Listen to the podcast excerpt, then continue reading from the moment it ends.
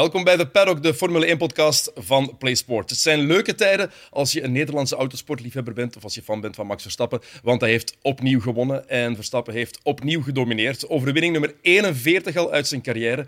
En dat is niet alleen indrukwekkend, dat is ook historisch, want hij evenaart daarmee de grote, de legendarische en de mythische Ayrton Senna. Dus opnieuw een mijlpaal voor Max Verstappen. Ook hier een mijlpaal, want mijn mythische sidekick Sam de Jonge die is er niet bij. Die is gaan uh, rondrijden in Zandvoort. Gelukkig hebben wij goede vervangers. We hebben er zelfs twee gevraagd om, die, uh, om Sam en zijn ego te vervangen. Uh, Gert Vermers en Bas Leinders. Goedemiddag, goedemorgen allebei. Goedemiddag. Dag, Dennis. Uh, dat is om te lachen natuurlijk, het ego van Sam de Jong. Dat, valt, dat valt allemaal goed mee voor mensen die denken dat, we dat, dat ik dat meen. Um, Max Verstappen, Evenaard, Ayrton Senna. Ja, dat is, dat is zoals je al zei, dat is een mijlpaal. Hè, maar... maar het is ook niet meer dan dat. Hè. Bedoel, het, het, zat eraan te komen dat hij dat ooit zou bereiken. Hij rijdt ook veel meer races dan, dan Senna per seizoen reed. Dus ja, binnen, uh, het volgende, de volgende mijlpaal is Alain Prost zeker. Hè. 51 races. Uh, met een beetje tegenslag voor de neutrale Formule 1-liefhebber doet hij dat nog dit seizoen. Maar los daarvan, zijn er nog superlatieven over voor Max Verstappen? Hebben we er nog? Wel, nee. Hè. Ik bedoel, uh, hij, hij, hij, was al de, de jongste ooit in de Formule 1 en dan uh, dat stapelt zich alleen maar op. En, en hij, is, uh, hij is nog altijd heel jong. Hè. Dus die, die, die records gaan zich alleen maar opstapelen, gaan er mee, alleen maar meer en meer komen. Dus ik denk dat we, ja, dat we bijna uit. ja, dat er geen superlatieven meer zijn. Nee, heeft, mij, heeft mij gisteren wel nog, nog een keer verbaasd. Wat, wat, wat zeldzamer ja. en zeldzamer wordt, is toen hij die fout maakte in de slotfase, dat hij te hard op die boordsteen ging, dat hij dan al lachend zei, oh, ik ja. had mezelf bijna knock-out geklopt. Ja. Al lachend. Aha. Maar je rijdt wel vooraan de race. Ik bedoel, dat als je tijd hebt, dus zoals... Oké, okay, we weten dat sommige rijders tijd hebben om naar de grote schermen te kijken als ze voorin rijden. Uh, Max Verstappen ja. is zich gewoon aan het amuseren en de rest komt nog niet eens tot halverwege zijn niveau. Precies. Ja, ook want... in Barcelona, ik bedoel, dat was in de vrije trainingen, dat was een radioboodschap van zijn ingenieur en hij hoorde een beltoon. Ik zeg, oh, iemand zijn telefoon gaat af. Was dat van Helmoet? Oh ja, dat was van Helmoet. ja, ja, het was de telefoon van Marco. Dus, ja. is, hij is, hij wordt, er wordt zo dalig weinig van zijn capaciteit gevergd op het ogenblik om de rest achter zich te houden, dat het ja, verontrustend makkelijk wordt eigenlijk. Ja, want uh, die records breken is één ding. Ja. Winnen is toch iets anders, maar domineren en op deze manier niet rijden, dat is, ja, dat is toch van een heel ander niveau. Dit, dit is ongelooflijk. Dit is, hij domineert volgens mij nu meer dan Michael Schumacher in zijn topdagen. En dat wil al wat zeggen. Want Michael Schumacher, die zijn tegenstand was zwakker wat dat Verstappen nu heeft. Maar het overwicht van Verstappen nu tegenover de rest is volgens mij groter dan wat Schumacher toen had. Ja, je ziet het ook aan de teamgenoten. Ik bedoel, Perez die het heel moeilijk heeft. Zeker de laatste drie grote prijzen. Um, dus uh, dat verschil, dat feit dat Perez ja, daar rondrijdt, ergens buiten de top 5, uh, ja, dat maakt het alleen maar uh, nog mooier voor, voor Verstappen wat ik, hij doet. Hè. Ik ben blij dat hij dat ook zegt, want dat is de kritiek die je natuurlijk hoort. Ja, Verstappen, ja, hij domineert, maar die wagen is gewoon beter dan welk, el, elke wagen die er ooit geweest is. Ja, zeker online, hè, de keyboard warriors, die, die, die zijn daar in topvorm. Maar hoeveel, als je dat zou moeten ver, ver, verdelen qua percentages. Hoeveel aandeel in die dominantie ja. is wagen? Hoeveel aandeel is piloot? Ik denk dat momenteel toch het aandeel van piloot groter is geworden. Dit jaar, of misschien ook al vorig jaar. En dat zie je vooral aan het verschil tussen bepaalde uh, teamgenoten. Eén uh, voorbeeld is natuurlijk, gelijk je juist zeiden, Verstappen-Perez. Maar een ander voorbeeld is ook uh, Alonso met Stroll. Ja. dat grote verschil. En Stroll reed gewoon achteraan mee. Uiteindelijk pakt hij nog wel twee puntjes mee, maar maar ja, heel lang reed hij op een veertiende plaats. En dat verschil, dan zie je van, oh, de piloot maakt toch weer een verschil. Hè, waar we dan tien jaar geleden zag je altijd ja, twee Mercedes'en vooraan en dan twee Ferraris en twee Red Bulls. En uh, al, al, al, altijd een beetje samen, omdat het verschil redelijk groot was. En nu zitten, zijn de verschillen veel kleiner geworden, waardoor de piloot dan toch een groter aandeel is. Nou, eigenlijk is het verschil tussen de rijders bij Aston Martin nog groter dan bij Red Bull. Hè? Want Perez ja. heeft toch al wedstrijden gewonnen dit jaar. Mm -hmm. Stroll heeft nog niets laten zien. Oké, okay, is dan begonnen om met van zijn fiets te vallen. Denken we. Um, maar dan toch, het, het, is wat, wat Alonso laat zien tegenover zijn teammaat, vind ik misschien zelfs nog indrukwekkender dan, dan Verstappen. Alhoewel wat Verstappen nu doet. Perez heeft, heeft het ongeluk gehad van een race te winnen. En ik denk dat Verstappen dan denkt van, ah, zo zit dat. En, om, en zijn mond open te doen. En zijn mond open te doen, te zeggen van, ik kan ook wereldkampioen worden. Dan zegt Verstappen, nou, dan sla ik je de volgende drie races gewoon een knock-out. Ja, Ja. Ja, dat, is wel, dat is wel heel duidelijk. En wat je dan ook merkt, ja, Verstappen die blijft wel alert. Hij lacht inderdaad met een klein foutje dat hij maakt. Maar als hij blijft wel gewoon mekkeren over bandenslijtage bijvoorbeeld. Ook al was er geen probleem blijkbaar volgens zijn team. Zo kwam het toch over. hè? Hij zal zich niet helemaal perfect hebben gevoeld. Hij zal ook hebben gevoeld dat die banden begonnen, begonnen eh, te slijten. Maar als je dan zo'n voorsprong hebt, en vooral op dat moment was hij nog altijd de snelste op de baan. Dus dan kan ik me voorstellen dat zijn ingenieur dan zegt van... Jongen, stop met zagen en rij gewoon verder. We gaan hier winnen zonder problemen. Dat was wel de boodschap. Hè? Eigenlijk, zonder, zonder het woord zagen te zeggen, was het Ja. eigenlijk wel wat gezegd werd vanuit de garage van Red Bull. Max, stop met mekkeren. Ja. Gewoon- We've got the verder. message. Ja, voilà, hij heeft het waarschijnlijk al een keer eerder gezegd, doordat we het niet hebben gehoord. eh, want we horen natuurlijk niet alle radiocommunicaties. En, maar dan tegelijkertijd is het toch ook wel goed dat, dat hij dat aangeeft. Van, kijk, we kunnen misschien nog iets beter doen. Hè. We kunnen, er zijn misschien dingen die ze nog altijd kunnen verbeteren. En dat zullen ze ook moeten doen, want ik denk, de tegenstand zit niet stil. En eh, ja, Nee, maar Bas, de voorsprong is nu zo groot al. wel, eh, de, de, de- in het kampioenschap Ja. eh, effectief. Maar ik bedoel, qua races te blijven winnen. Ze willen wel races blijven winnen, Ja. uiteindelijk. Al Ik vraag, ik me nog altijd af of ze ze allemaal willen winnen. Want als ze ze allemaal willen winnen, dan gaan ze tot diep in het seizoen inspanningen moeten blijven leveren op deze auto. En dat is eigenlijk onverstandig. Hè? Nee, dat, dat moet je niet doen. Je moet, je moet al redelijk snel, nu moet je al beginnen denken aan de auto wel, van volgend Ja. jaar. Maar want ze gaan sowieso het kampioenschap winnen. Dus eh, al, al komt eh, Alonso eh, met, met Aston Martin en Mercedes komen ze terug, dan gaat het nog heel moeilijk zijn om echt die, die achterstand in te halen. Wat nog altijd niet onmogelijk is, maar effectief. Maar zij gaan ook denken aan de auto van volgend jaar. Dus eh, zowel Aston als, als Mercedes moeten ook denken van ja, dit jaar gaan we geen kampioen meer worden. We willen wel het gat kleiner maken, want alles wat we dit jaar leren, of eh, heel veel wat we dit, jaar leren, kunnen we ook naar volgend jaar overbrengen. Maar we moeten toch al denken aan de auto van volgend jaar, want dan willen we wereldkampioen worden. Daar, zij hebben nog het verschil, Aston Martin en Mercedes, dat zij tegen elkaar moeten vechten voor die tweede plaats. Die een pak meer centen oplevert.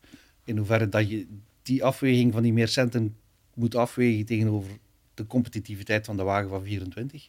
Ja. Ja, dat is een veel En- moeilijker beslissing dan Ja, wat Red Bull heeft. Hè. Maar Die nu zegt- met de budgetcap, hoe belangrijk is dan die tweede of derde plaats nog? Voor een kleiner team is dat volgens mij heel belangrijk. Maar een team zoals Ferrari, Mercedes, Zelfs Aston, Martin, nu, eh, is die, als, de- als ze nu tweede, dat is eerder prestige, dat beetje meer geld, het gaat over tiental, wel tientallen miljoenen, dat is natuurlijk heel veel, maar de budgetcap is 140 miljoen dollar Ja, ongeveer. en die tientallen miljoenen, dat is geld dat ze eigenlijk in de schuif liggen hebben die ze niet mogen gebruiken. Hè. Voilà, dus, dus ik denk dat daar dan, dat het toch wel heel strategisch zal gekozen worden van toch ook eh, op een bepaald moment te gaan naar de auto van volgend jaar. Ehm, maar eh, het voordeel van Aston Martin is ja, natuurlijk dat ze tot dan eh, nu, eind juni, hadden ze meer tijd in de windtunnel. Eh, hebben ze deze upgrade gebracht, die ook nog goed lijkt te werken. Maar dat er ook nog upgrades klaar liggen, die ook al getest zijn in de windtunnel, maar die nog niet klaar zijn voor op de auto Ja. te monteren. Dus Silverstone lijkt mij nog een grote prijs, waar eventueel nog verbeteringen kunnen aangebracht worden voor... Eind juni, dat is het moment waarop de, de nieuwe rangschikking van de teams wordt Ja. opgemaakt en de nieuwe windtunneltijd wordt toegekend. Dus daar gaat Aston Martin nadeel van ondervinden, Ja. want vanaf dan gaan ze minder windtunneltijd Ik denk mogen 30% minder of Ja, zoiets, ja. ja. Ehm, ook de honderdste overwinning voor Red Bull, ooit. Ja, ook een mijlpaal voor het team. Want er zijn niet heel veel teams die dat al bereikt hebben. Die, eh, Vijf, hè? ze zijn het vijfde team, hè, denk ik, na, eh, na Ferrari, McLaren, Mercedes en Williams. dat is Ja. Historisch opnieuw. Ehm, een deel daarvan, een groot deel daarvan, 41 zijn van Max Verstappen. Een heel groot daarvan is ook van, van Sebastian Vettel. Ik denk ongetwijfeld de twee beste rijders die Red Bull ooit gehad heeft. Als je dat vergelijkt... En heeft allemaal auto's van Adrian Newey. Dat is Alle makkelijk- 100 dat is makkelijk overwinningen. straf. Heeft Vettel ooit evenveel aanzien gehad binnen Red Bull als Verstappen nu heeft? Want het is wel Max Verstappen Racing Team. Niet altijd Red Bull Racing Team. Was het in de tijd van, van, van Vettel op zijn, op zijn toppunt ook Ik- zo? Ik denk dat eh, Vettel was wel absoluut de toppiloot bij Red Bull. Ehm, maar ik denk dat eh, Verstappen toch een iets hoger aanzien eh, krijgt, omdat hij ook jonger ingestapt, maar dan ook meteen, hij heeft zelf naar die macht gegrepen, Verstappen, gewoon door meteen, meteen er volop voor te gaan. Hij heeft dan ook bij, bij Toro Rosso gezeten. En dan de eerste race dat hij dan in die Red Bull zit, wint hij. Ja. Ik bedoel, ja, oké, met Vettel, een. Vettel heeft gewonnen voor Toro Rosso. Ja, en Vettel heeft gewonnen voor Toro Rosso, klopt. En ja, oké, dat, dat is wel zo. Maar dan toch die eerste race dan te winnen met die Red Bull, Ehm, ja, dat, eh, daar heeft hij toch heel veel krediet voor gekregen. Ik denk Vettel op, in zijn topjaren, de jaren waarin hij wereldkampioen werd, dat het binnen het Red Bull-team vergelijkbaar was, zijn, zijn statuut. Zeker de, de, de beschermende vleugels van Dr. Marco toen was net hetzelfde als wat Marco nu doet voor Verstappen. Meer zelfs nog, ik denk dat Dietrich Mateschitz, die vorig jaar overleden is, dat die Vettel eigenlijk liever had. Want Vettel die is veel vroeger binnen dat Red Bull-programma ingestapt. Hè. Die was maar een jaar of twaalf, denk ik, of dertien. En, en Verstappen is eigenlijk pas op het laatste moment ontdekt door uh, Dr. Ja. Marco. Maar, maar eigenlijk de verdienste van, van Max ligt bij Jos Verstappen. Ja. Waarom, dus dat, dat, is duidelijk. Minder bij het uh, Red Bull Junior team. Dus uh, ja, ik denk, maar, maar ze hebben alle twee bedoeld. Ik zou, net zoals Mark Webber toen niet te, te, te envyen was. Ik zoek het juiste Nederlandse woord. Uh, te benijden was, ja. is het nu ook niet een teammaat van Verstappen. Dat, dat, ja, dat is de, de bijna slechts mogelijke positie, zou je bijna kunnen denken. Zo lijkt het inderdaad wel. Um, het is wel wat eentonig als we kijken naar de strijd voor de overwinning. Het is Red Bull, Red Bull, Red Bull, Red Bull, Red Bull en ga zo maar door. Um, en ik vond het, we er gisteren over na de uitzending, Bas. Um, in basketbal, voetbal, hockey. Een topsporter, een, de beste van de beste, kan een off-day hebben. Lionel Messi heeft een off-day. Michael Jordan had wel eens een off-day. LeBron James heeft een off-day. Alle toppers hebben dat wel eens. Hebben autopiloten dat? Want je, dat, dat, dat, of, dat zie je bijna nooit, of hoor je bijna nooit van... Ik, ik had geen goed gevoel in de wagen, gewoon effectief niet door de wagen, maar door de, door de atleet zelf. Ja. Ja, natuurlijk, misschien kan het in de toekomst wel vaker voorkomen, omdat we natuurlijk meer en meer races hebben. Hè. Dus uh, in het verleden had je een beetje minder races en dan ja, je bereidt je gewoon elke keer heel, heel erg goed voor op die race. Hè. Je verzorgt je en zo verder, waar natuurlijk uh, basketbal, uh, voetbal, die, die, die jongens die spelen minstens één keer per week, of misschien twee keer per week, of soms zelfs meer, op topniveau. En dan, ja, dan, is het, dan kan dat wel sneller gebeuren dat je echt ziek wordt. Um, zelf toen ik race, ik, werd nooit, ik was nooit ziek tijdens het seizoen. Ik werd pas ziek één week twee weken na de laatste race van het seizoen, als dan in november ja. ergens, dan, dan had ik meestal een griep. Dat wist ik al bijna op voorhand dat dat ging gebeuren. Maar los van het ziek zijn, ja. dat is puur het fysieke aspect. Ja, ik denk je kan, dat je, je, kan ook, wel. Je kan, je kan ook wedstrijden hebben, letterlijk. Um, in basketbal spreek ik ook uit ervaring dat je gewoon voelt van ik heb het niet echt vandaag. Nee. En dan is er fysiek geen enkele reden, gewoon zo gewoon een dag waarin het niet wil lukken. Heb je dat ook in de wagen, dat je gewoon dat je de apex net niet goed ik, ik raakt, dat je die mist, dat je bepaalde fouten maakt die je anders niet zou maken, dat het niks met het fysieke te maken heeft. Ik denk gewoon... nog altijd dat de opbouw anders is, omdat uh, Formule 1 racen, uh, je kan dan wel in een simulator zitten, maar dan, dat is niet het echte racen. Je, je zit pas weer in die wagen op, op vrijdag. Je rijdt vrijdag, zaterdag, zondag en dan ben je uit de wagen. Op maandag, dinsdag, woensdag, donderdag rij je helemaal niet. Maar dan ook weer terug naar, naar voetballers. Ja, die, die hebben dan een match gehad en de volgende dag staan die weer op training. Ja. En die, elke dag hebben die een training en zijn die bezig met die bal en zo verder. En ik denk dat op een bepaald moment, mentaal, uh, is dat gewoon een heel andere aanpak. Uh, en, en daardoor dat je, denk dat als uh, autosporter, dat je toch gemotiveerder kan blijven, waardoor je dan minder een off-day hebt. Of de mogelijkheid. Off-days zijn er wel hoor. En misschien ja, niet altijd ja. op wedstrijddag. Maar neem nu bijvoorbeeld wat, uh, wat Carlos Sainz in de vrije training deed, de laatste vrije training. Dat mag je niet doen. Hè. Als, je, als je op de laatste vrije training hard van de baan gaat door een eigen fout, stuurfout, op het verkeerde plek geremd, op de witte lijn weggeleden. Dat in mijn ogen is al een teken van een off-day. Ja. En, en meestal, je gaat geen, om die, die basketanalogie uh, verder te trekken, oké, okay, je mist een korf, je mist nog een korf en nog een korf Oh, zeg korf nooit, nooit zeggen. Het is, het, is, een verkeerde sport. Sorry. Sorry? Je mist een shot. Dat shot. kan je zeggen. Je mist een shot. De korf is voor de gemengde sport. Of korf is voor een andere sport, ja, inderdaad. dus je mist een shot, of dat dan nu uh, van gelijk waar op het terrein, maar je kan opnieuw proberen. Als je in, in de autosport een fout maakt, de kans is groot dat je wagen kapot is, dat je aan de kant moet blijven staan. Dus dat het is een, andere, een ander gevolg. Dus... Ik vroeg het mij af, omdat ja, we zijn al genoeg, genoeg gepraat. Ik denk iedereen die de Formule 1 op de voet volgt, van ja, het is wel heel eentonig aan het worden dit jaar. Ja. Zo'n dominant eh, team en vooral zo'n dominante rijder gaat er nog iets aan te doen zijn. En daarom dat wij aan het denken waren van ja, hoe zit dat in, in andere sporten? Maar ook vooral, als er iets misgaat. Ik heb een rijder dat nog nooit horen zeggen, misschien mis ik interviews, maar ik heb nog nooit horen zeggen, ik had het vandaag niet. Nog nooit. Ja, de, Dan is het meestal, de wagen had het niet vandaag. Nee, maar meestal is het ook maar één fout. Hè. Zoals Russell gisteren, toen hij in de muur ging, heeft ja. hij onmiddellijk gezegd dat het zijn fout was. Ja. En eigenlijk, ja, het is niet dat hij dan daarna nog gaat zeggen: het, het, was mijn dag niet. Want behalve dat ene moment was hij wel goed bezig. Ja. Dus wat ik daarnet wil zeggen: één fout is genoeg om je dag te verknoeien hè, in autosport. Dat is waar. Eh, we hadden wel een eh, indrukwekkend podium ook, hè?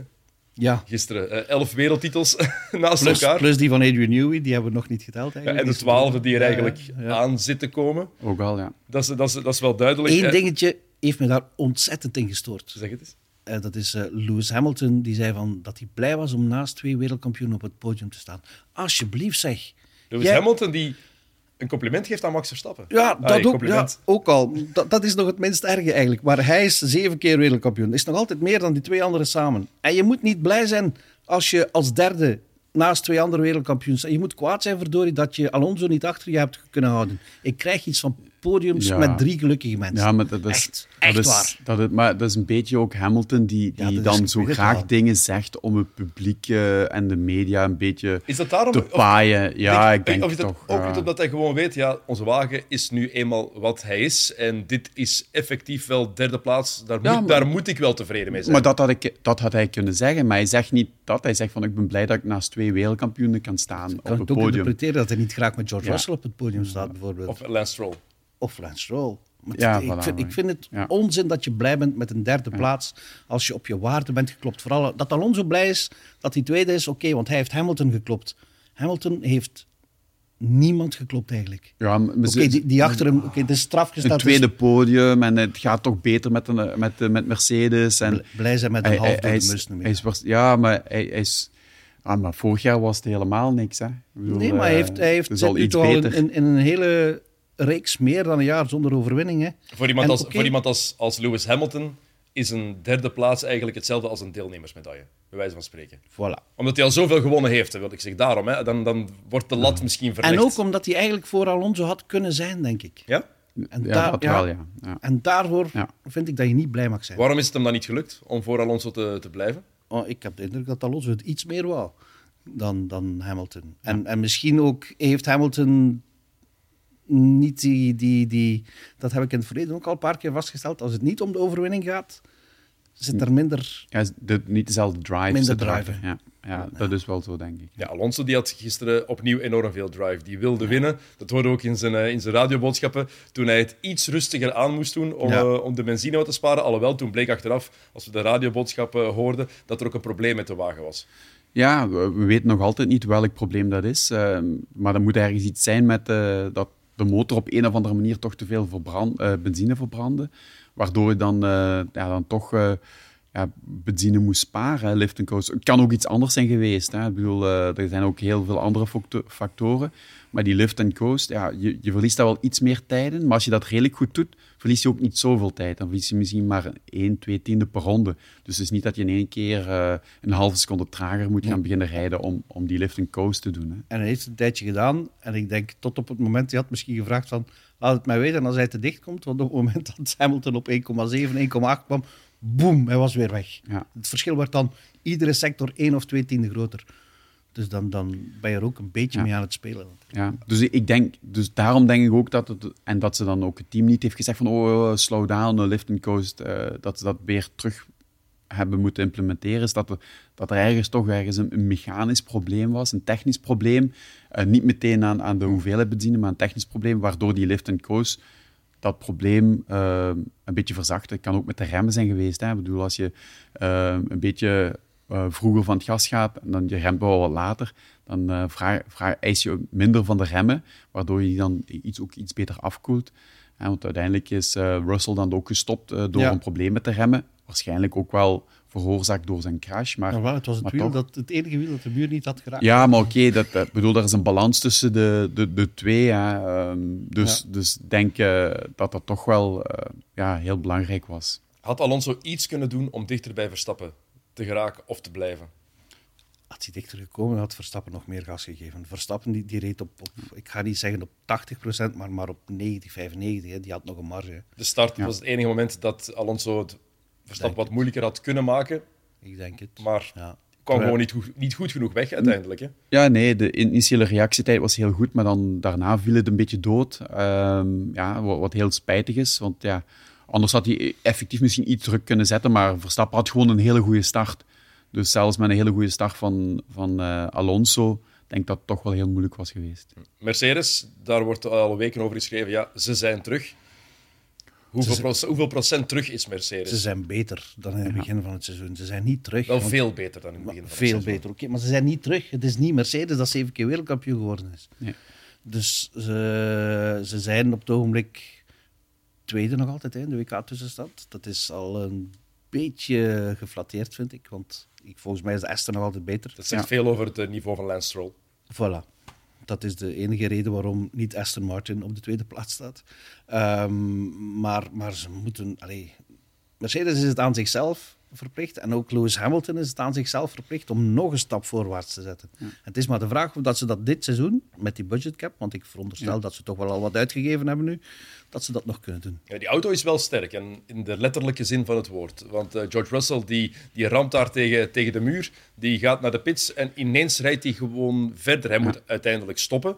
Maar hoeveel ronden heeft hij nog verder gereden? Maar dat hebben we vorig jaar. Die is tot het eind. Nee, niet tot het eind. Tot in de ronde 55 heeft hij gereden van, de 70. van de 70. Maar dat hebben we vorig jaar ook al gezien met die crash van uh, Alonso in, in Texas. Ja.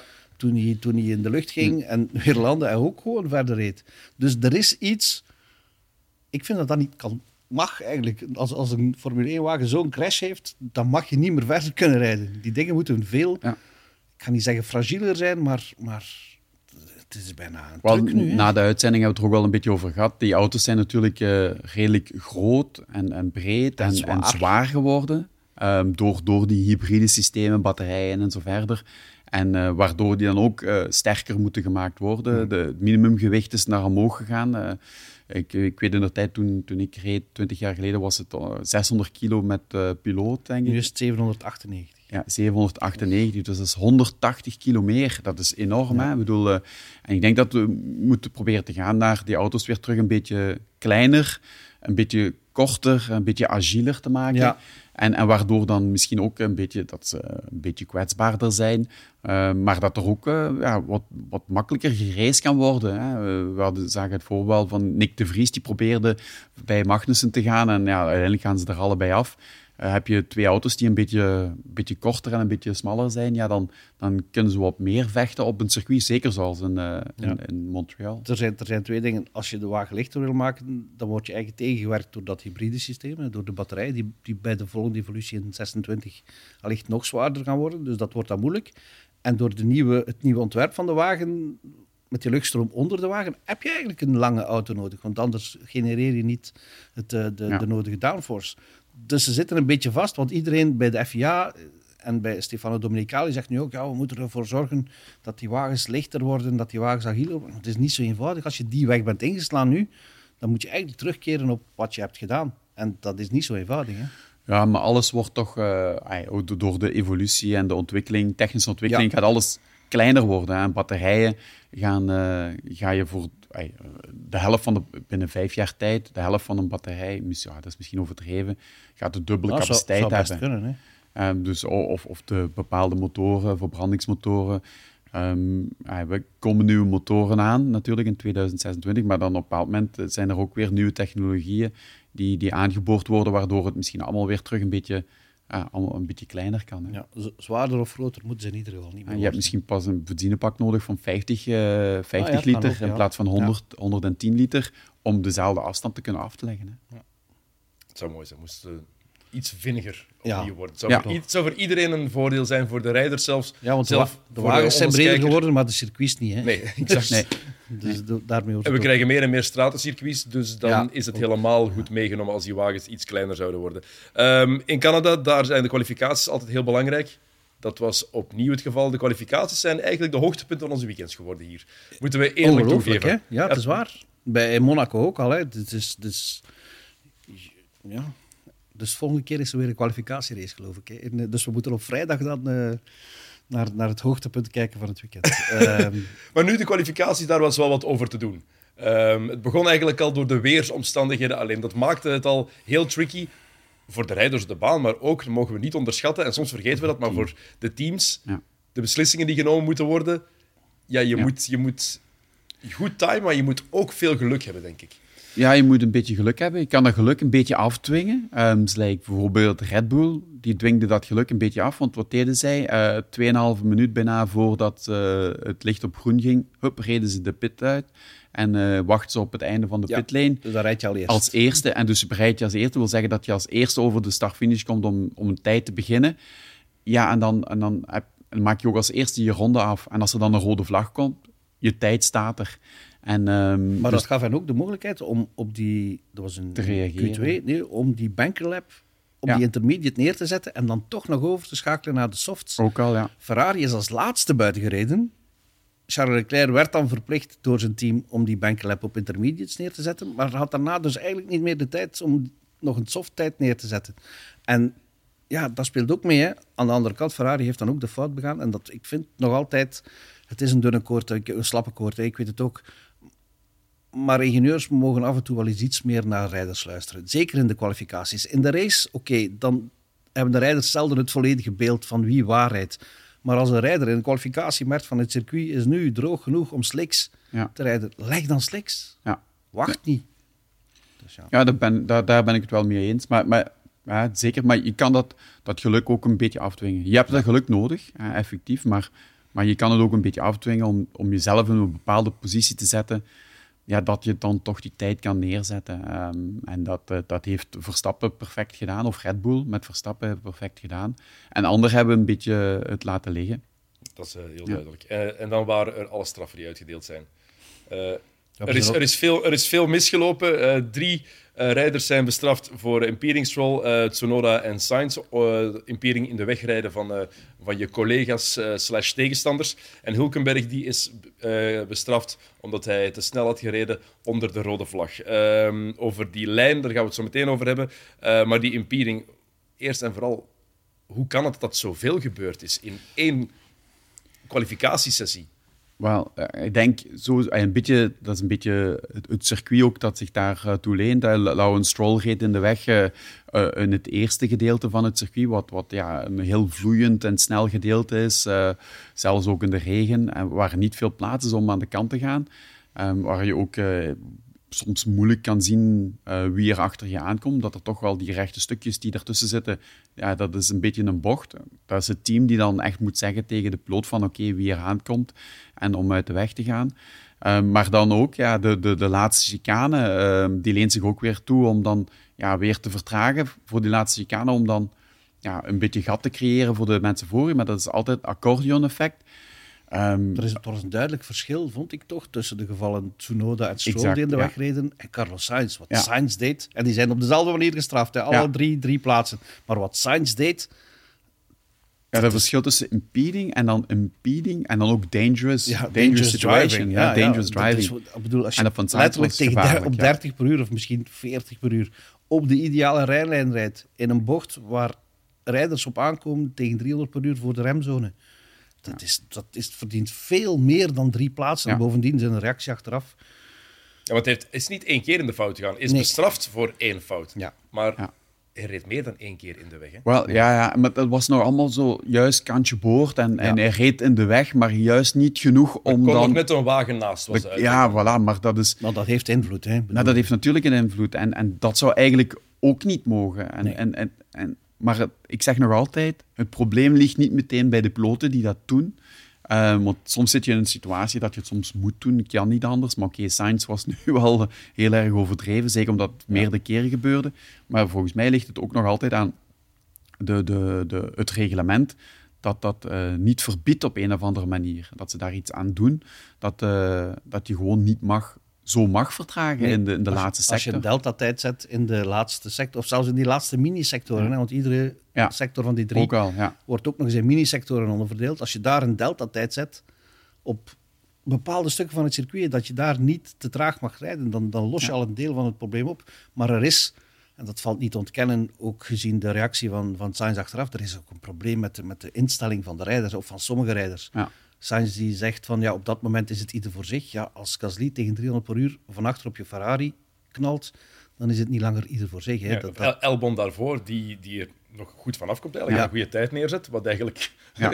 extra indrukwekkend is. Maar ja, Gasly die wordt helemaal ja, in het zak gezet. Ik kan het niet anders zeggen dan dat, door, door wat Sainz daar doet. Sainz krijgt drie stra- eh, strafplaatsen.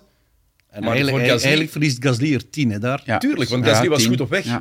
Ja. Want hij had zich eh, gekwalificeerd voor de volgende kwalificatie. Ja. Dus, eh, en hij had sowieso in Q3 gezeten. Hij had, voor, hij had sowieso in Q3 gezeten en lang, langs Ocon gestaan waarschijnlijk. Ja, op de waarschijnlijk. Ik vind het van Sainz eigenlijk gewoon onsportief, eerlijk gezegd. Ja. Zijn, door zijn reactie achteraf, als, als wel, hij ja. anders had gereageerd, had ik dat niet zo bekeken. Maar als- toen, door hij Ja. zei van ja, ja eh, ehm, ik ben eh, Zeven, keer in de weg ja, gereden. Niemand heeft het gezien, hè? Dat hij zeven keer in de weg is Dat is, gereden. dat is al één. Ehm, en dat hij dan zegt, "Wel, het is ieder voor zich. Ja, oké, maar het is niet dat het ieder voor zich is dat je Nee. je Ja. collega's of je tegenstanders in gevaar moet Ja. brengen. Dat zijn echt toch wel Dat- andere dat is- gradaties. dat is, hij is daar, is, volgens mij is het... Allee, in mijn ogen is het daar over, over de lijn gegaan, is het stap te ver gegaan. En van zeggen van, inderdaad, als je een gevaarlijke situatie creëert, gewoon door enkel aan jezelf te denken, dan, dan moet er een zwaardere sanctie volgen dan, dan Ja. drie plaatsen achteruit. Ja, maar kijk naar Gasly. Je, je zei het Ja. net, die verliest misschien 10 plaatsen. Ja. Daardoor ligt hij eruit in Q1. Ja. Was anders zeker doorgegaan naar Q2. Zeker als je kijkt ook wat Ocon heeft neergezet. Gasly ehm, moet niet altijd onderdoen voor zijn, voor zijn ploegmaat. Integendeel. Ja, ik, weet- ik weet het, je kan dat niet oplossen. Nee. Maar het feit dus dat, hij die, dat hij Q2 niet meer ging halen, dat kan je niet oplossen achteraf. Maar het feit dat Sainz ook pas na de kwalificaties bestraft wordt en uiteindelijk nog Q3 mag rijden, ja, dat is voor mij, dat tart alle waanzin. Want er, is, er, is, er, is geen enkel, er is geen enkel argument om hem niet onmiddellijk te bestraffen. Om niet onmiddellijk die beslissing te nemen. En dan hoor ik van heel veel mensen van ja, ja maar de stewards zijn vrijwilligers. Ja, so what? Inderdaad. Bedoel, zijn de dat is- scheidsrechters? Dat is net alsof, alsof je aan een scheidsrechter in het voetbal zou zeggen: Ja, die overtreding, ik ga die in de rust nog eens bekijken en kijken of je een gele kaart of een rode kaart verdient. Ja. Nee, hè, je doet Nee, dat en, ook en, en, onmiddellijk. en na de match gaan we rood met terugwerkende kracht geven. Ja. Dat is eigenlijk Ja, wat, wat ze gedaan dat hebben. is het, ja. Ja, nee, zeker. Dus ik denk hebben dat, nog wat werk ja, daar. Dat systeem moet aangepast worden, maar dat, dat moet komen van de FIA natuurlijk. Dat is, eh, maar Formule 1 kan dan vragende partij zijn misschien om, om dat... eh, Het probleem daar is, zijn, zijn de tv-uitzendingen. hè. Want eigenlijk moet je dus in die zeven minuten tussen de verschillende kwalificatiegedeeltes, moet je dan alle gevallen van het kwalificatiegedeelte dat ervoor kwam behandelen. ja, maar je hoeft niet altijd alles te behandelen. Nee, er zijn dingen die, daar- die, je die je daar- kan zeggen, dat kan daarna, maar maar zijn... Wees eens even eerlijk. Ja. Stel, jullie zitten daar met twee, als stewards. En je ziet alles wat er gebeurd is in Q1. Dat geval van Sainz Maar dat- was dat- overduidelijk. Maar dat los je Ja. toch op in minder dan zeven minuten? Ja. Ja. Dat is toch die van, dat van Sainz. Dat is gebeurd, dat is gebeurd. Oké, dat is twee keer zoveel strafplaatsen. Klaar, volgende. Of Ja. zie ik dat nu, ben ik daar te naïef in? Ik vind zelfs dat de straffen zwaarder mogen zijn. Als je, als je echt in de weg rijdt, dan verlies je gewoon je snelste tijd. Punt. Ja. En dan heeft dat dan ook zwaardere gevolgen dan die drie plaatsen. Hè? Ja. En dan kan dat misschien ook nog helpen voor de rijder die je hebt gehinderd. ja, er zijn ook heel veel kampioenschappen. Als je een rode vlag Ja. creëert, Voilà, dan, dan, ga, dan verlies je gewoon je snelste tijd. Of soms je twee snelste tijden. Dus, eh, ehm, dus voor wat Schumacher heeft gedaan in de tijd, de Monaco. Zelfs eh, Perez cre- vorig jaar, hè, En. Perez vorig jaar. Je, je, je creëert een rode vlag. Ah ja, oké, dan, eh, dan heb jij een fout gedaan. Je benadeelt anderen. Dan moet jij ook benadeeld worden. Ja. Dus je snelste tijd wordt eh, weggehaald. Punt. En bedoel, en dat, waarom, dat, dat gebeurt in meerdere kampioenschappen in de GT waar, ik, eh, waar wij aan deelnemen met ons team. En waarom kan dat in de Formule 1 niet? Ik bedoel, als je zo van die dingen implementeert, eh, ook in de wegrijden, daar ook een zwaardere sanctie op zetten, dan gaat dat gewoon veel minder gebeuren. Dus, maar dat, dat is de FIA die dat Er moet wel- beslissen. er zijn wel meer dingen die Dat moet- beter lopen in de GT-race rijden dan in de Formule Maar 1. in hè. veel andere klassen. Hè. De, de Formule 1 is de koninginnenklasse, maar het is ook wel, als we dan kort door de bocht mag zeggen, benadruk ik er even bij, maar het is ook wel de klasse die het meest in de middeleeuwen le- leeft.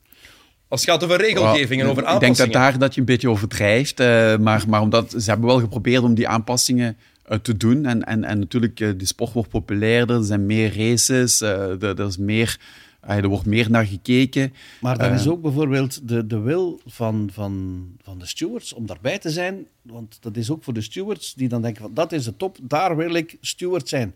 Ja. Dus wat zegt de FIA? Oké, dan gaan we een beurtrol doen tussen die mensen. Maar in de GT-racerij heb je toch bijna altijd en dezelfde wedstrijddirecteur en dezelfde stewards.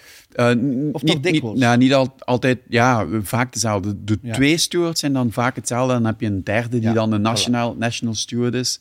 Ehm, maar, Maar, maar, daar heb je consistentie in de beslissingen Ja. meestal. Nu waren het weer vier anderen in, in, Ja. in Canada. Dus ja, dat- Maar ik zeg het ook, ik zeg het ook zo, zo, zo, zo kort door de bocht, omdat wat jij net ook aanhaalt in die andere klasse, in de GT bijvoorbeeld, hoe daar dan beslist wordt, hoe daar bepaalde fouten wel effectief bestraft worden. Hier zijn er dingen die, dat, die heel gemakkelijk beslist kunnen worden, Ja. Die niet beslist worden.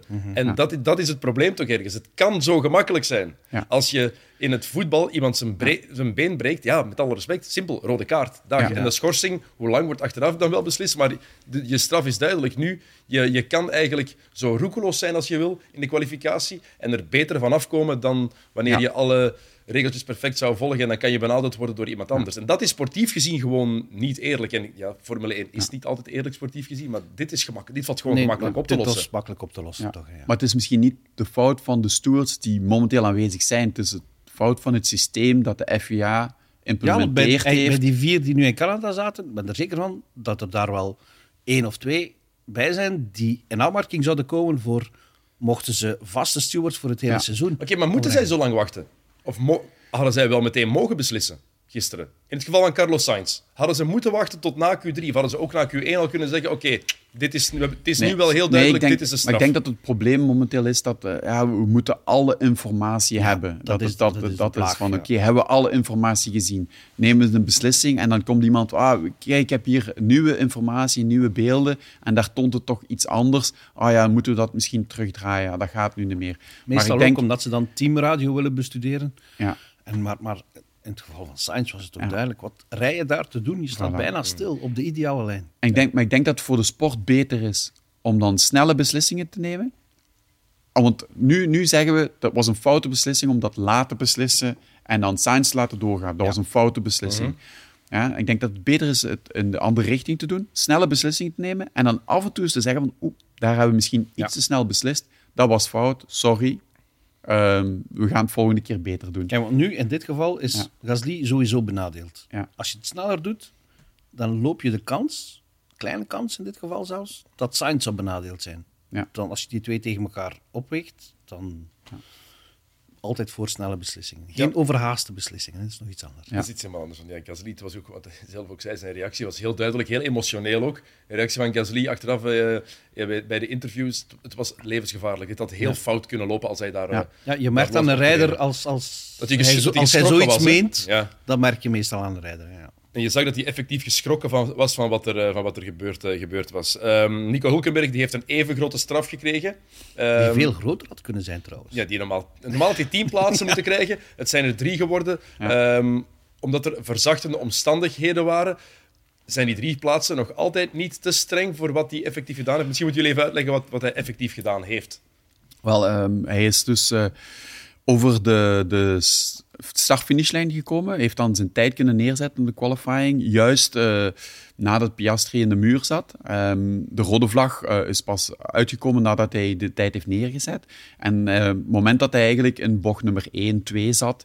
En ehm, dus dan, op het moment dat er een rode vlag is, dan eh, heb je een bepaalde deltatijd waar je moet aan, aan eh, voldoen. Dus dat wil zeggen dat je dan een heel stuk trager mag, moet rijden. Maar ook niet te traag. niet te traag, maar eh, zeker niet te, te snel. Te snel is, is natuurlijk gevaarlijk, zo gezegd. Maar je zit dan in die, in die bochtencombinatie 1-2. En het moment dat hij besefte van oké, het is rode vlag, zat hij 1,5 seconden boven de deltatijd. Maar dat is redelijk rap gebeurd. Hè. Ik bedoel, je zit in een remzone. Ehm, Ja, want hij, hij viel aan om nog eens een snelle ja, ja ronde te dus, zetten. hè. dus je valt aan, woop, eh, rode vlag. Ja, oké, dan effectief, dan, ja, je laat de auto wat rollen, je gaat dan van het gas af en dan ja, ga je langzamer rijden. Maar in die combinatie, ja, wat moet je dan doen? Extra op, nog op de rem gaan staan, wat, eigenlijk, eigenlijk niet nodig is, wat eigenlijk gevaarlijk is. Dan moet je eigenlijk nog op, eh, ah, op de rem gaan staan, om dan die del- deltatijd dan toch snel zo in dat stukje terug te krijgen. Heeft daarna dan bij het uitkomen van die bocht, bocht nummer twee perfect gehouden aan de deltatijd. Dus hij heeft helemaal geen gevaarlijke situatie gecreëerd. Dus het is eigenlijk een samenloop van omstandigheden. En het enige waarom hij toch nog drie plaatsen heeft gehad, denk ik, is omdat ze bij, bij Haas niet helemaal door hadden wat ze moesten doen. En, want Ah, want hij krijgt, je krijgt een auditief signaal als rijder in je oor om te zeggen van er is rode vlag, dit is de deltatijd, hou je daaraan. En je krijgt ook een signaal als je te snel of te, te traag bent. En Hulkenberg was duidelijk, dat hoor je aan de conversatie met de ingenieur, niet helemaal, het was hem niet helemaal duidelijk of hij nu te snel of te traag aan het rijden was en wat, wat hij moest doen. En dat vind ik, dat mag ook niet gebeuren. Als rijder moet je normaal gezien wel weten wat je moet doen in had, had hij bestraft moeten worden, in jullie ogen? Maar dat, dat, want, want hoe het nu lijkt, Bas, komt er voor had mij f- ook, komt, komt Ja. natuurlijk, dat, dat leek gisteren ook al zo, dat het mij overkomt dat hij zelf heel weinig verkeerd gedaan heeft. Aangezien hij zich na bocht 2 redelijk wat- eh, perfect wat- aan die delta heeft Ja. gehouden. Maar wat Gert zegt klopt wel. Hè? Dus je, je moet wel weten wat je moet doen in bepaalde omstandigheden. Er gebeurt iets, rode vlag, je weet van ik moet een delta-tijd aanhouden. Jongens, eh, waar zitten we? Boven zit ik te snel, te langzaam, zeg maar wat doen. Dus dat moet, dat moet goed georganiseerd zijn. En dat moet goed eh, voorbereid zijn, dat moet besproken worden. Daarvoor zijn er meetings. Eh, daarom komen de jongens op eh, donderdag eh, niet alleen voor de pers naar, naar het circuit, maar dat is ook om die meetings te doen met het team, om alles nog eens over te lopen en kijken het reglement. De piloten zouden ook eh, een, minimum van het reglement moeten kennen, wat niet altijd het geval is, maar dat, zou, dat is aan de sportief directeur om dat dan Ja. ook aan te brengen, wat ze ook niet altijd doen.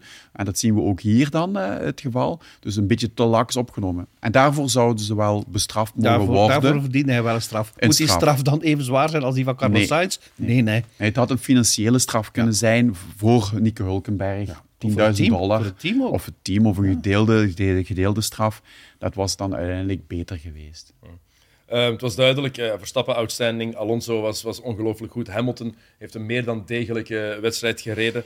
Ehm, de twee Ferraris, op zondag ook nog best respectabel, denk ik. Op zaterdag daarentegen Charles Leclerc, Nee, opnieuw. kwaad. Hij begint kwaad te worden nu ook. Hè. Het is van, van ambitie in het begin van het seizoen naar gelatenheid duidelijk op een gegeven moment in het seizoen. In Monaco bijvoorbeeld, als ze zich niet aan de volgorde hielden waarop ze zouden buitenrijden. En nu wordt hij kwaad. Misschien heeft dat te maken met het feit dat hij Le Mans Ferrari heeft zien winnen. En dat zijn team dat absoluut niet kan op het ogenblik. Maar ik denk dat de frustratie ook wat groter en groter wordt hè, bij Leclerc. Is snappen. Maar die, die frustratie of die kwaadheid, dat is eh, een negatieve factor momenteel. Het gaat niet helpen. Soms, soms maak, kan je je kwaad maken en dat is positief, want dat brengt iedereen weer terug op de juiste lijn.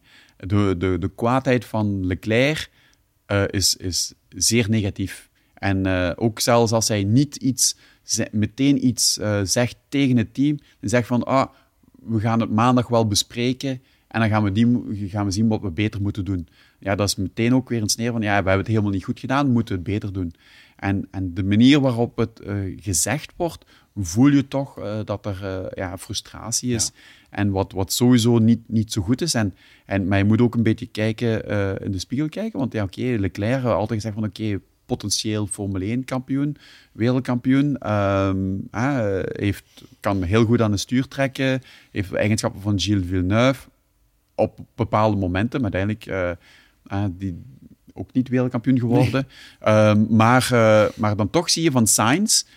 wat dan een beetje, die, waar we niet van zeggen, die is potentieel Formule 1 wereldkampioen, ja, die, die het af en toe toch wel even goed of beter doet dan, dan Leclerc. Ja, maar minder consistent is, Maar vind minder, ik. ja. Die, die maakt fouten waarvan je denkt... Van, Ja, maar toch zit niet. Sainz er af en toe voor. En dat Ja. zou eigenlijk niet mogen. Nee. En dat is Leclerc die, die, die, die de verkeerde ingesteldheid En ik heeft denk momenteel. Een, een deel van de frustratie van Leclerc komt ook daaruit voort natuurlijk. Hè, dat hij Sainz niet achter zich kan houden altijd. Wat eigenlijk misschien wel de bedoeling is geweest. Ja, en ik vind altijd, die paar van die jongens, of eigenlijk iedereen, hebben echt een coach nodig. Een, een, Ja. een sportieve mental coach. eh, iemand die hen kan opkrikken, die af en toe kan zeggen, oh, nu kalm. eh, en, en, en waar, een, een, een klankbord waar ze mee kunnen praten. Zoals Hamilton heeft het toch jaren gehad. Ja, ja ik, ik, ik denk ook dat, dat er nog rijders zijn die dat hebben. Hè. Er stond dit weekend trouwens een uitstekend artikel in het Belang van Limburg van eh, mijn collega Mark Cornelissen over een van de driverscoaches, Pieter Belmans,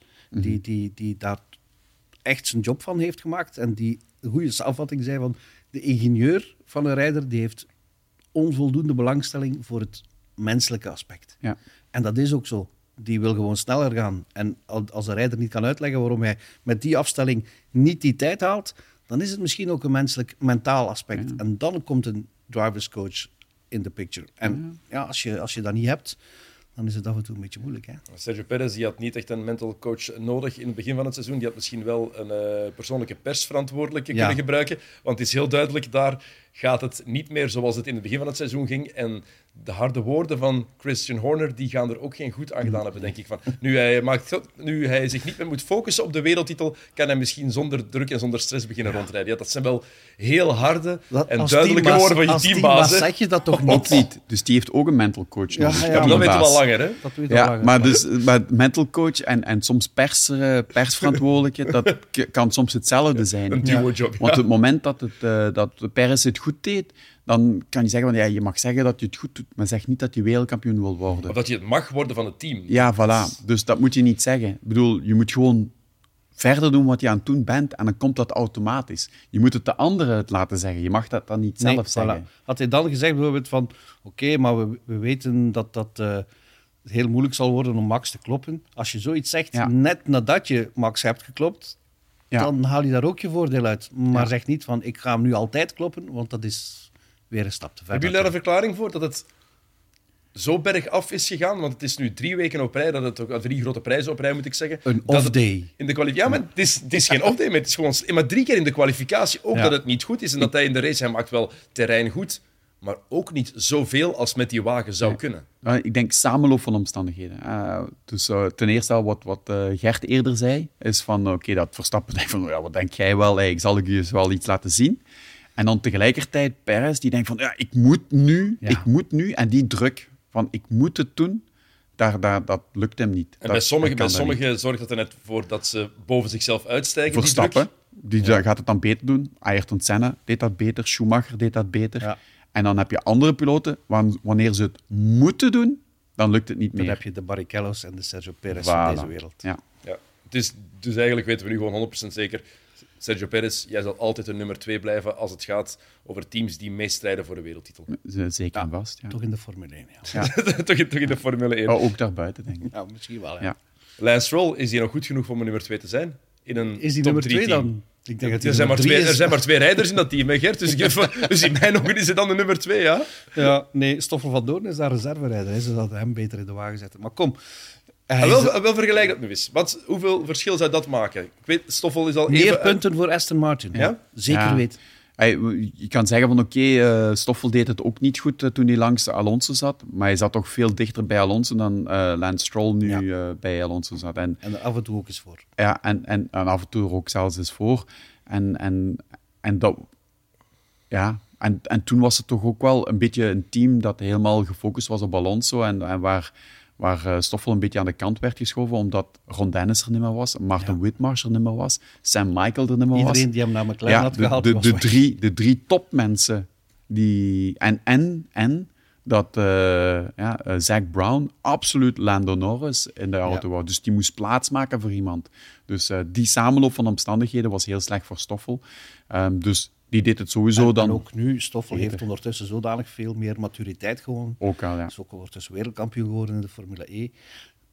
Die kan die plaats van Stroll fingers in de nose innemen en het beter En doen. beter doen, ja. Denk het wel. Hoe slecht moet Lance Stroll het doen voordat zijn vader durft beslissen...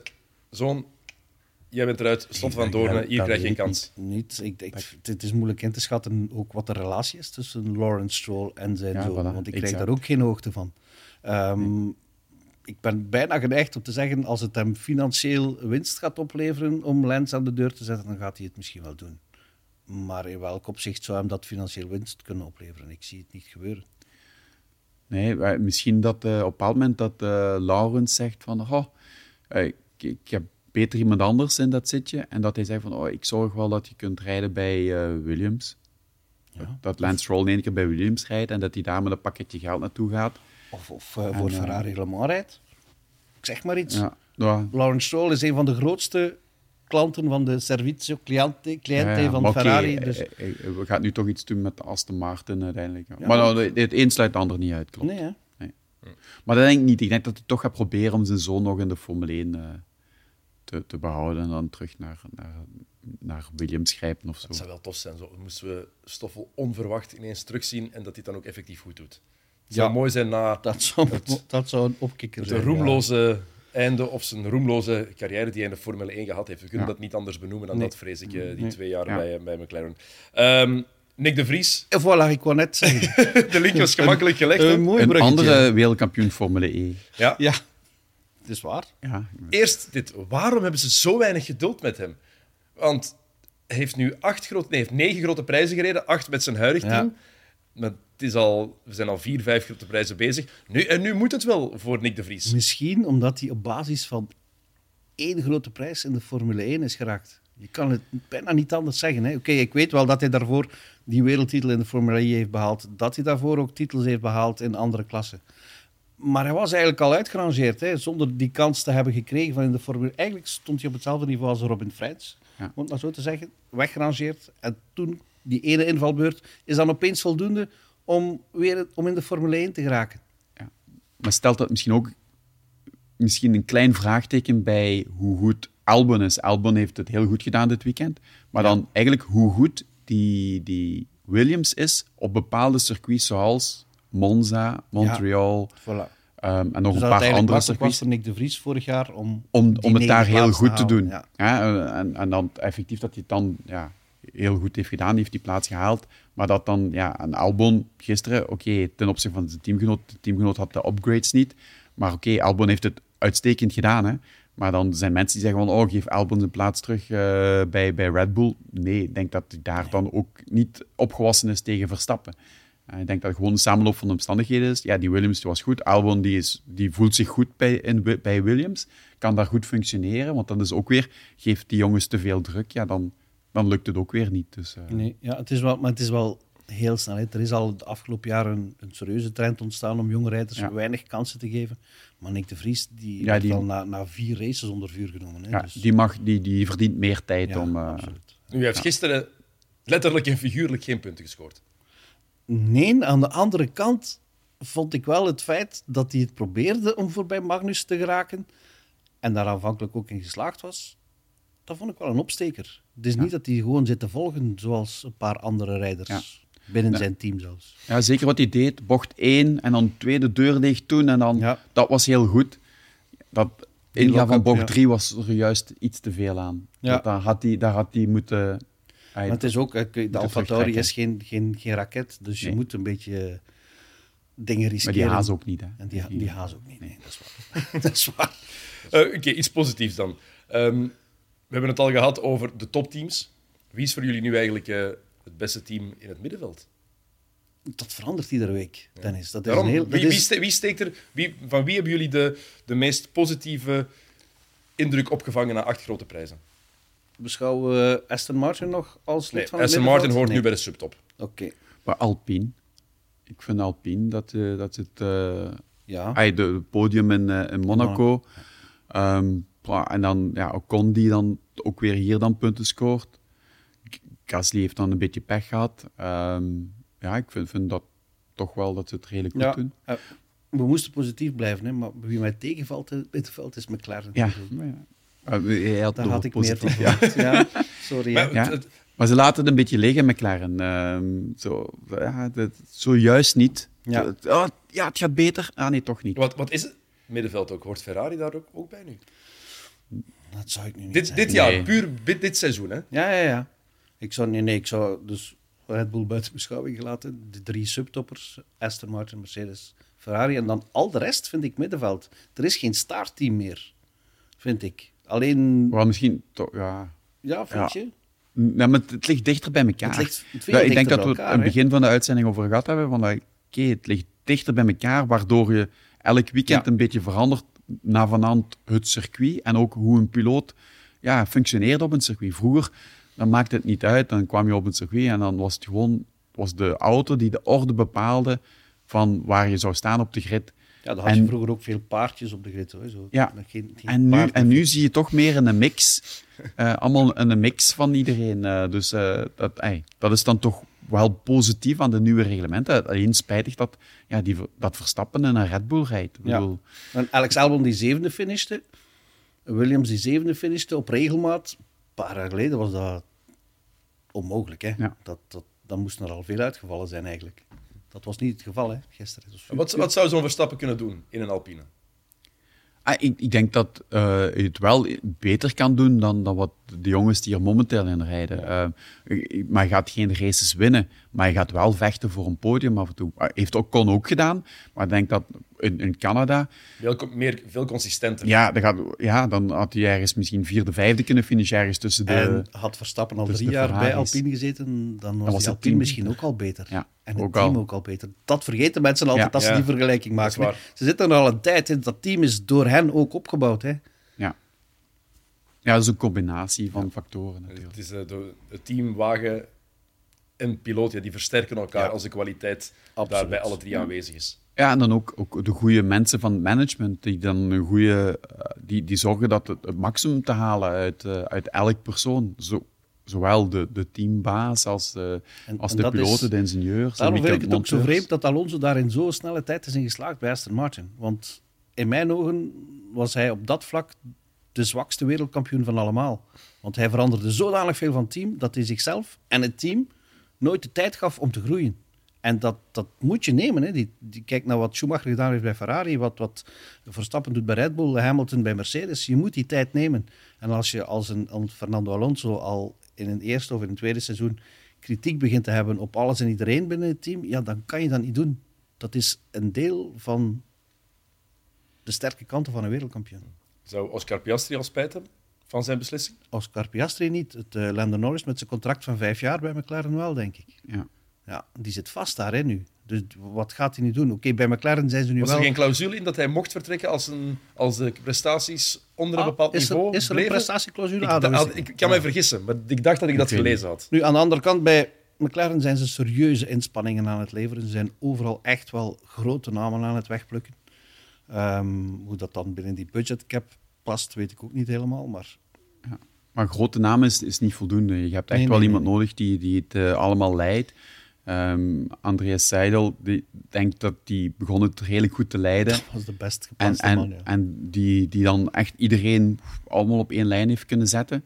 En die is dan in één keer vertrokken, omdat ja, hij heeft een kans om eh Sauber Audi te gaan.